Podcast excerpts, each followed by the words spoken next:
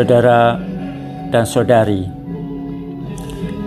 biasanya di hari-hari ini pusat spiritualitas Kirisonta atau Puspita menyelenggarakan acara retret atau triduum mengikuti tri hari suci.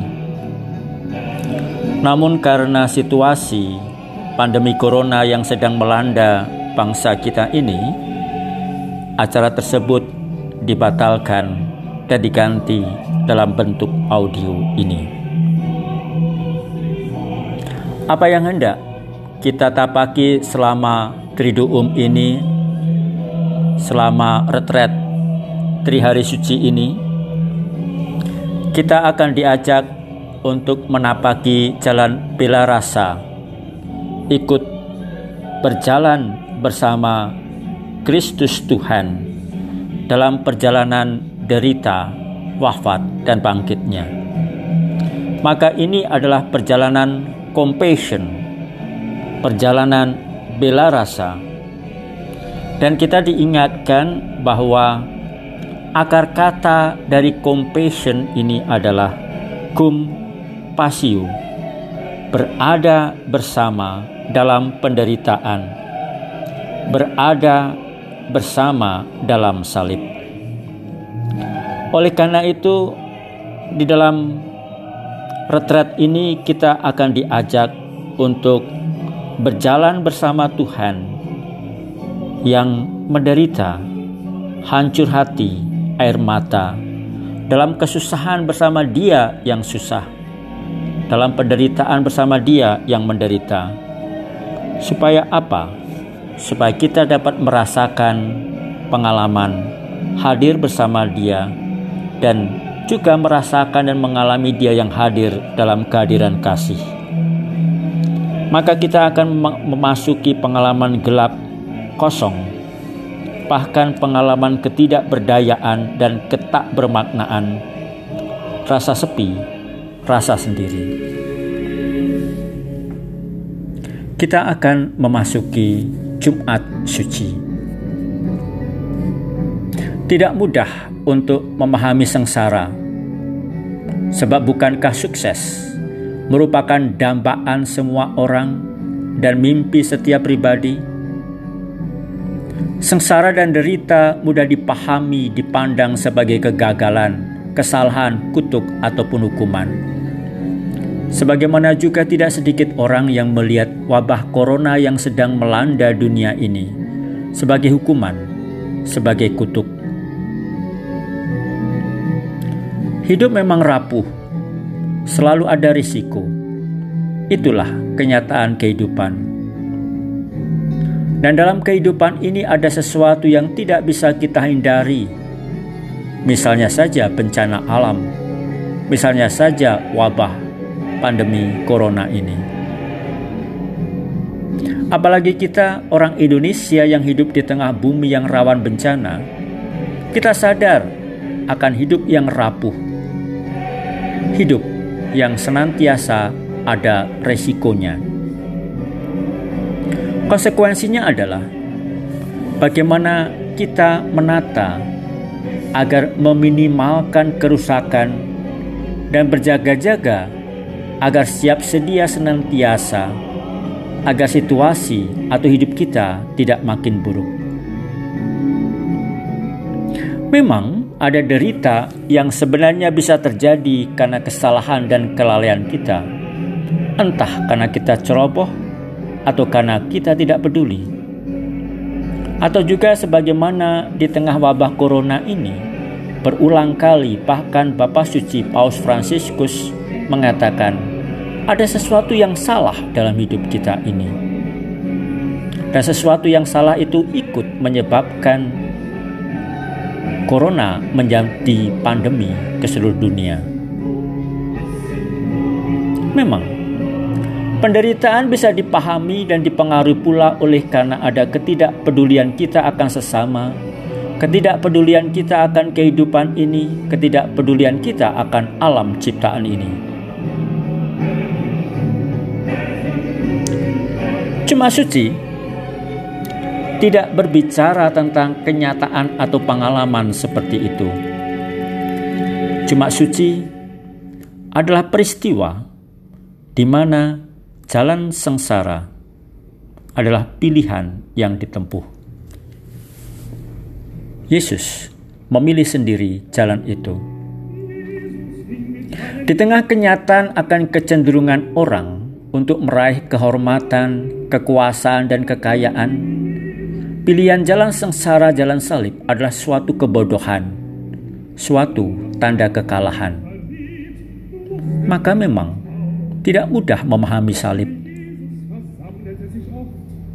Bukankah kita menyaksikan tujuan menghalalkan cara? Di tengah wabah corona ada orang-orang yang dengan enaknya tanpa merasa bersalah mencari untung Demi sebuah ambisi atau pemenuhan naluri, orang bisa melakukan apa saja. Peduli amat dengan moral, peduli amat dengan dosa ataupun etika. Hasilnya pasti ada yang dikorbankan. Realitas itu bisa kita temukan dalam kisah hari ini, kisah Jumat Suci. Kaum agamawan yang merasa kuasanya terancam bisa digerogoti, yang doktrin dan norma yang dibangun dan diajarkannya terlihat mulai diragukan, yang statusnya jadi bahan kritik, mulai bertindak. Tidak ingin segala apa yang telah dibangun dan dinikmatinya mulai pudar. Dan tuduhan diarahkan kepada Yesus. Mereka menutup diri pada apa yang dibangun di sekitar dirinya. Mereka menutup diri dan membenarkan diri seakan-akan dirinya Tuhan yang berat mengatur dan menilai segalanya. Akibatnya, kebaharuan atau kehadiran seseorang yang berbeda dan segala apa yang bisa mengusik dirinya, statusnya, kehormatannya harus dihentikan. Itu tidak hanya ada dan terjadi dalam realitas agama, dalam realitas sosial politik pun terjadi demikian. Yang lebih dipedulikan adalah stabilitas, keberlangsungan, dan keterjaminan kuasa, sehingga perkara kebenaran bukanlah sesuatu yang perlu dipedulikan. Kita simak pula Pergumulan semacam itu juga dialami dan terjadi pada para murid. Mereka kesulitan memahami Tuhan sebagaimana Tuhan adanya. Mereka masih menghidupi gambaran Tuhan sebagaimana Tuhan yang mereka pahami dan pikirkan. Kita ingat kisah anak-anak Sebedius yang meminta status duduk di sisi kanan dan kiri Yesus? seakan-akan itu jatah dan itu hak. Lalu merasa sanggup ketika Tuhan mengatakan apakah sanggup meminum piala yang harus diminum? Sanggup. Tapi tidak sadar piala itu adalah piala penderitaan, piala salib. Atau ketika ingat, setelah Petrus mewakili para murid mengatakan tentang Yesus engkaulah Mesias anak Allah yang hidup, dan setelah mendengar itu, Yesus lalu menceritakan, menubuatkan tentang penderitaan. Dan Petrus segera bereaksi, tidak bisa dan jangan sampai itu terjadi. Dan Tuhan segera menghardik Petrus, enyahlah engkau iblis. Sebab engkau memikirkan apa yang dipikirkan manusia, bukan yang dipikirkan Allah. Tidak mudah untuk memahami Allah. Dalam kisah sengsara yang akan dibacakan dalam liturgi Jumat Suci, kita akan melihat itu. Yudas dan Petrus. Gambaran Tuhan yang sukses, jaya, imun, dan tak tersentuh. Itulah yang digambarkan dan mereka miliki sebagai gambaran. Yudas berpikir bahwa kalau dia menjual Yesus ke mahkamah agama dan kemudian nanti Yesus di depan para imam-imam kepala, pemimpin-pemimpin agama di Sanhedrin membuat mukjizat dan mereka lalu akan percaya kepada Yesus dan bayangan Yudas itulah strategi jitu untuk tampil di depan Bukan strategi yang dilakukan Yesus berkeliling dari desa ke desa pinggiran kota satu pinggiran kota yang lain. Yudas ingin mengajak Yesus tampil di muka, di depan, di pusat. Tapi itu pikiran Yudas, bukan apa yang dikendaki Allah. Demikian juga Petrus punya gambaran dan pikiran yang serupa. Dia mengikuti Yesus dan dia berharap Yesus nanti membuat mukjizat mengatakan sesuatu sehingga orang-orang percaya kepada Yesus dan pada saat seperti itu Petrus akan tampil dan memperkenalkan diri sebagai murid Tuhan. Tetapi ketika sambil mengikuti Tuhan dan dia melihat Yesus diam, dicaci, dimaki, diludahi, diam. Petrus kehilangan kepercayaan diri dan akibatnya jatuh menyangkal Tuhan. gambaran manusia akan Allah bertentangan dengan kenyataan keilahian yang dihidupi oleh Yesus Kristus. Yudas lalu menjual Yesus, Petrus menyangkalnya. Kenyataan penghukuman dan kematian salib merupakan kenyataan ketidakberdayaan yang menyesakkan hati para murid. Akibatnya apa? Mereka kocar kacir dan melihat kenyataan itu, bagi Yudas tidak jalan terbuka lain. Maka segera pintu kematian disongsongnya sendiri. Dia bunuh diri, tragis, hancur. Namun Petrus menangis. Menangisi ketidakberdayaan dan kerapuan diri. Dan tangis itu bukan akhir. Karena Petrus masih melihat tatapan Yesus yang mengasihi, bukan mengutuk dan menghukum jalan ke depan masih terbuka. Betapapun mungkin kita masih sulit memahami salib, tapi kita diajak untuk merendahkan diri, untuk mengakui keterbatasan diri, sehingga kita masih mampu melihat tatapan Tuhan yang mengasihi dan memberi jalan ke depan. Memang Yesus memilih jalan salib Itulah piala yang harus ditanggungnya, karena itulah kehendak Bapa. Derita salib baginya pilihan dan sengaja dipilih bukan sebagai suatu jalan celaka atau nasib tragis yang harus ditanggung. Dia sendiri yang menyambutnya. Dia tidak menghindarinya. Mahkota duri dibiarkan dikenakannya, bukan dicampakkannya. Santo Ignatius Loyola dalam latihan rohani menggambarkan pengalaman ini sebagai bentuk kerendahan hati yang ketiga. Lebih memilih yang hina, lebih memilih yang rendah, lebih memilih yang nista. Jalan itu dinyatakan oleh Nabi Yesaya sebagai jalan menanggung bilur-bilur demi dosa-dosa kita.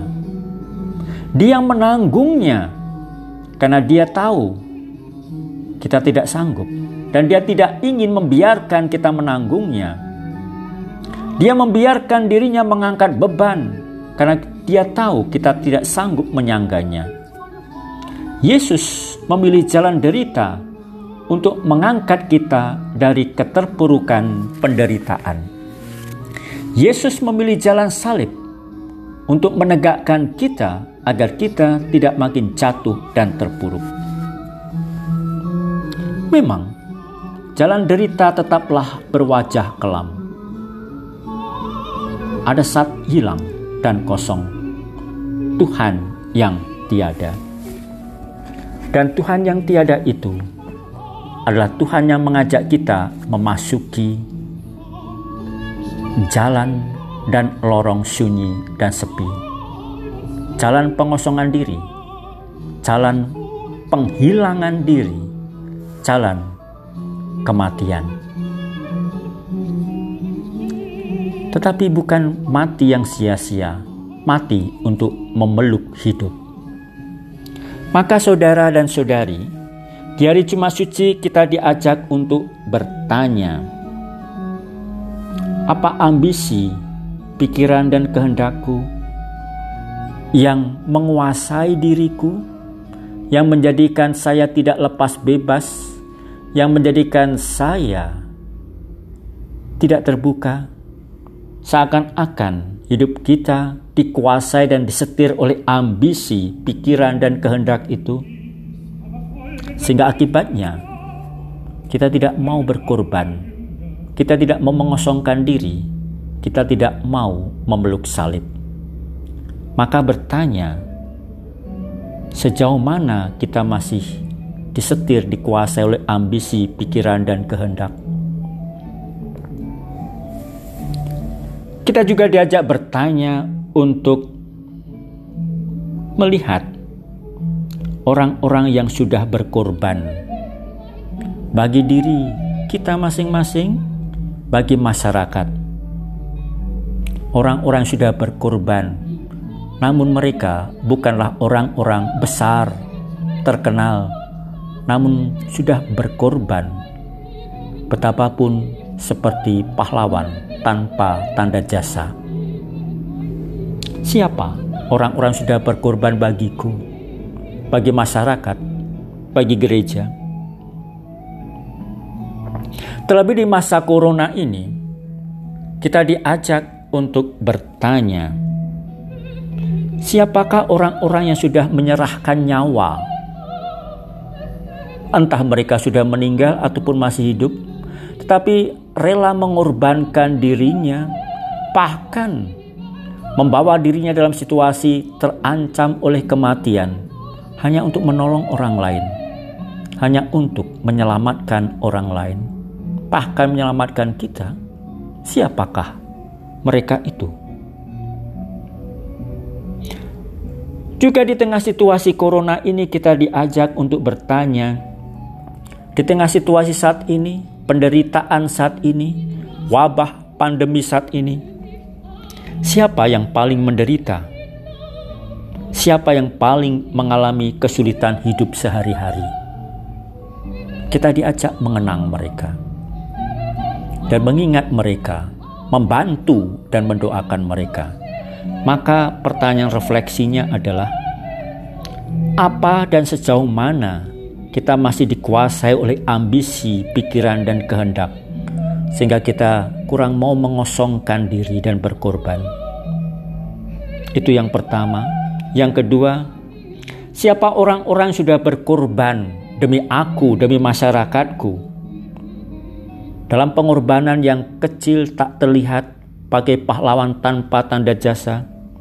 Terlebih di tengah situasi corona ini, mereka yang sudah menyerahkan nyawa, membiarkan diri masuk dalam ancaman dan bahaya hidup hanya demi bisa melayani dan menyelamatkan orang. Itu yang kedua. Yang ketiga, di tengah situasi saat ini, siapakah orang yang paling menderita? Orang yang paling mengalami kesulitan hidup sehari-hari. Saudari dan saudara, itulah ketiga pertanyaan refleksi. Bertanya tentang ambisi, keinginan diri, bertanya tentang mereka yang sudah berkorban menyerahkan nyawa, dan bertanya siapa kini orang yang paling menderita, paling mengalami kesulitan. Mereka itu adalah orang-orang yang memanggul salib saat ini. Selamat memperingati Jumat Suci. Selamat menapaki jalan salib. Ikut serta bersama Yesus yang memanggul salib, menderita dan wafat selamat menapaki compassion bersama Yesus. Tuhan memberkati.